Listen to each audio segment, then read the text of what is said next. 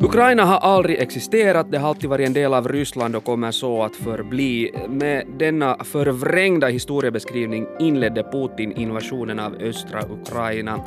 Ukraina är ett land som Ryssland alltid har velat lägga vantarna på och nu vill Putin göra Ryssland stort igen, så kommer Putin att gå till historien som vår tids Stalin, eller hur ska man tolka hans galna uttalanden? Det här ska vi diskutera här i nyhetspodden. Jag heter Johannes Staberman och med mig har jag historiker Henrik Menander. Välkommen. Tack så mycket. Uh, Rysslands president Vladimir Putin är känd för sina långa historieföreläsningar och, och en sån viss fixering vid Sovjetunionens storhetstid. Uh, men nu har han gått då så långt som att ifrågasätta hela Ukrainas existens som självständig nation och han ser Ukraina bara som en förlängning av ett Storryssland. Um, vad säger du som professor i historia om Putins historiebeskrivning? Den första frågan är ju att tror han ens själv på det här? Ehm, det är möjligt, men eh, det troligare är att det är en del av den här propagandan. Alla nationer uppstår någon gång, inte har Ryssland heller funnits i all evighet. Ryssland var fram till 1600-1700-talet mycket mindre det sen, sen på 1700-talet, slutet av 1700-talet som först uh, Ukraina och Krim erövras av uh, Osmanska imperiet. Uh, och sen så Ukraina blev då en, en folkrepublik i samband med att, att Ryssland blev Sovjetunionen. Men det är ju inte hållbart liksom att fixera liksom det här, det som det borde vara vid en viss epok. Mm. För att med samma argument så kunde man ju säga att Ryssland borde få få ha kontroll över eh, östra hälften av, av Centraleuropa. Det var ju så som var läget ända fram till 1991. Utan eh, länder och imperier som växer eller mister sin kraft och det som nu har skett med Ryssland, som många andra imperier, är att, att det, det har skett ett sönderfall, en försvagning och det här har man svårt att acceptera. Så när, när, när Putin liksom inte då vill erkänna Ukrainas existens så, så handlar det om att han vägrar se det faktum att, att Ryssland inte är så stort och starkt som det en gång i tiden var. Ja, det är just det att som historiker måste jag säga att det, det är bra att människor har historiska insikter. Men det leder ingen vart om man använder sina historiska insikter för att driva en viss sak och liksom lyfta fram en, en viss epok i sin nationshistoria. Då borde ju man i Finland ungefär liksom kräva att, att vi, vi ska få tillbaka Petsamo eller, eller Karelen, men det är ju mycket få i Finland som tänker i de här termerna, utan man, man förstår att, att eh, det inte vore klokt. Mm.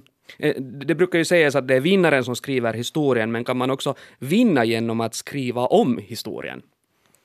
Det kan man, tror jag inte, men man kan använda det en viss tid för, som ett politiskt som instrument för att, att försöka påverka de här stämningarna i, i, framförallt i sitt hemland. Att det var någonting som växte fram i slutet av 1800-talet, den här nationalismen. Mm.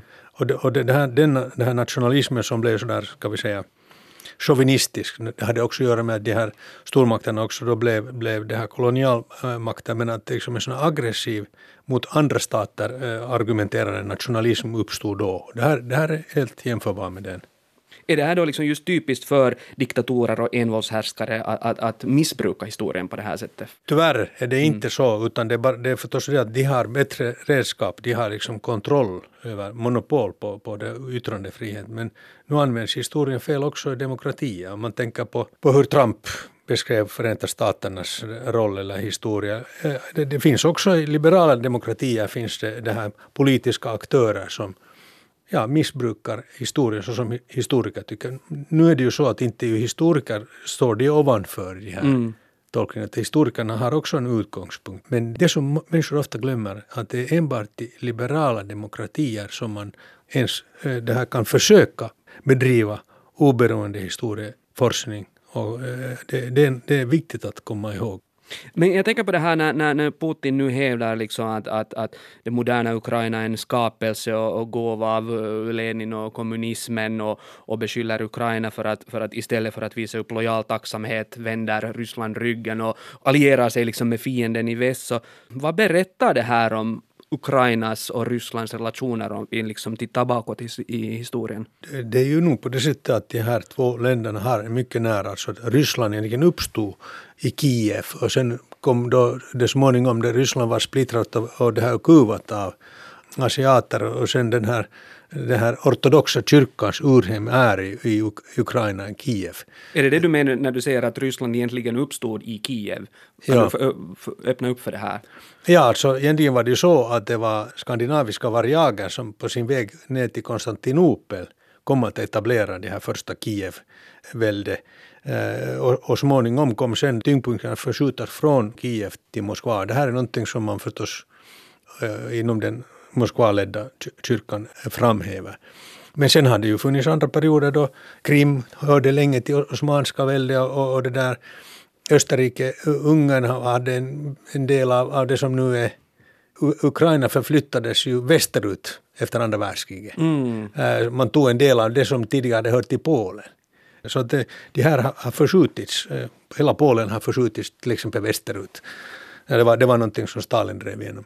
Så det här att man då fixerar vid de här gränserna är, trodde ju många av oss, till och med jag, att eh, efter kalla krigets slut så skulle man förstå att det ekonomiska samarbetet skulle ha gjort att gränsen mellan, låt oss säga Polen och Tyskland skulle mista sin betydelse, eller till och med mellan gränsen mellan Ryssland och dess, dess grannländer. Eh, men att nu, nu så är, är man då inne i ett nytt skede jag tänkte på det här, du nämnde just det här att, att, Ukrainas gränser har flyttats förut och nu ser vi hur Putin försöker dra upp igen nya gränser för Ukraina. Så, så är det helt enkelt så att de här gamla metoderna som man har tagit till genom världshistorien i olika krig, de gäller fortfarande. Minst när det gäller eh, det här Ryssland, till exempel när det gäller eh, de länder som nu hör till EU så har man ju en gång för alla frångått det här. Mm. Det är på något sätt eh, mycket ålderdomligt tänkande att det här att, det, att genom att erövra territorier så kan man på något sätt stärka det. Ryssland borde ju ha tillräckligt med territorier där i Sibirien. No, Ukraina är ju också ett, ett enormt land, enormt område som, som ligger mitt i Europa där det då liksom i århundraden har förts otaliga krig mellan olika folkslag. Det har styrts av mongoler och kosacker långt innan ryssarna då också kom och, och, och försökte ta över det. Och sen finns det ju det här kända slaget vid Poltava år 1709 som då mellan svenska och ryska riket som ju utkämpades i närheten av de områden som nu är så aktuella i östra Ukraina. Ryssland vann där helt klart och, och, och, det ryska imperiet växte till sig. Ukraina blev ju där sen liksom en del av det och vi ser ju nu att Putin har sådana här ambitioner nu att, att liksom göra Ryssland stort igen precis som Peter den store då gjorde under 1700-talet och Lenin och Stalin under 1900-talet jag funderar liksom att varför är just Ukraina, varför har Ukraina alltid varit en så viktig pusselbit för Ryssland? Det som är viktigt att komma ihåg med Ukraina, att det är otroligt i sig bördigt land. Alltså det är liksom egentligen det finaste som fanns inom det ryska imperiet. Det var liksom på det sättet mest gynnsamma delen av det som hörde till, till Ryssland, det, det, det här Svarta havets kust. Mm. Det, det, var folkrikt och det är alltid folkrikt. Uh, det har alla potentialer, det har många naturrikedomar, det är nära alltså marknader, centraleuropeiska marknaderna. Eh, allt det här gör ju att eh, om den geopolitiska omgivningen skulle vara gynnsam så skulle det här Ukraina kunna bli en verkligt betydande alltså, eh, ekonomisk och kulturell det här tillgång för hela Europa. Det har alla potentialer, det har många naturrikedomar. När det gäller Ryssland så har det ju länge varit det här problemet är tillgången till kuster, till havet. Mm. Att det är helt enkelt också Ukrainas geografiska position som gör att, att det är så viktigt. Det, det är sådana här faktorer, geografin spelar alltid en stor roll. Så vi talar liksom om en enormt viktig geopolitisk kakbit helt sådär konkret geografiskt? Absolut, om man tänker både första världskriget och andra världskriget så kom ju Ukraina då att eh, under vissa tider vara under tysk kontroll. Och vill man förenkla hela, hela den här liksom ekvationen så kan man säga att det, det finns Tyskland eller motsvarande centraleuropeisk kraft. Under Napoleonkriget var det Frankrike och så har vi Ryssland. Och så har vi, har vi en zon däremellan. Så beroende på vem som är starkare har kontroll över. Nu är det Tyskland, EU och NATO som har kontroll över det. Och det här är förstås inte någonting som gör Putin glad. Så det här liksom, det vi ser är bara en, liksom en förlängning av, av Europas krigshistoria, eller ett nytt kapitel. Ja, men det, det nya är förstås nu, det är viktigt att poängtera att EU är annorlunda än mm. de tidigare europeiska stormakterna. Man bär ännu på det liksom arv och den, liksom, känsla som han hade av andra världskriget. Och det märkliga är nu att, tycker jag, att man inte i Ryssland liksom mera liksom kommer ihåg det här.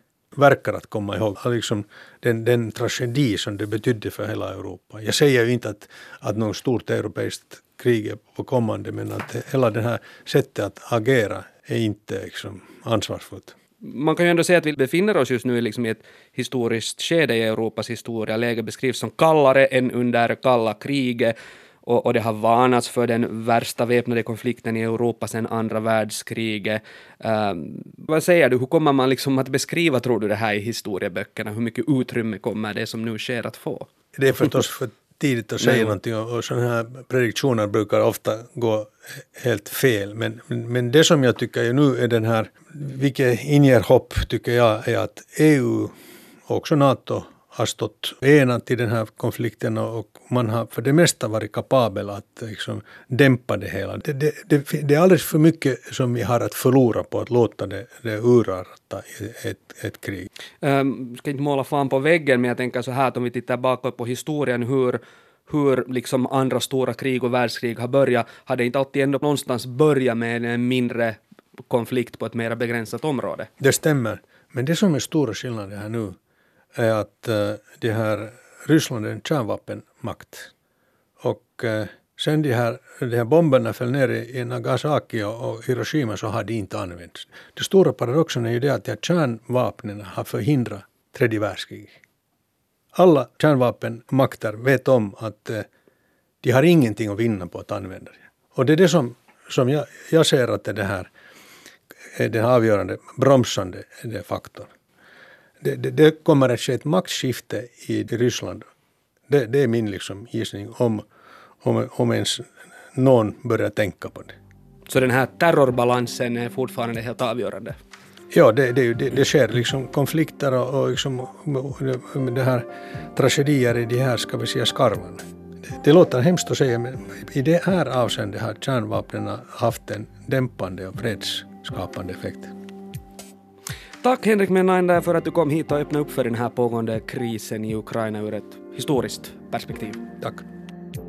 Du har lyssnat på nyhetspodden från Svenska Yle med mig Johannes Taberman.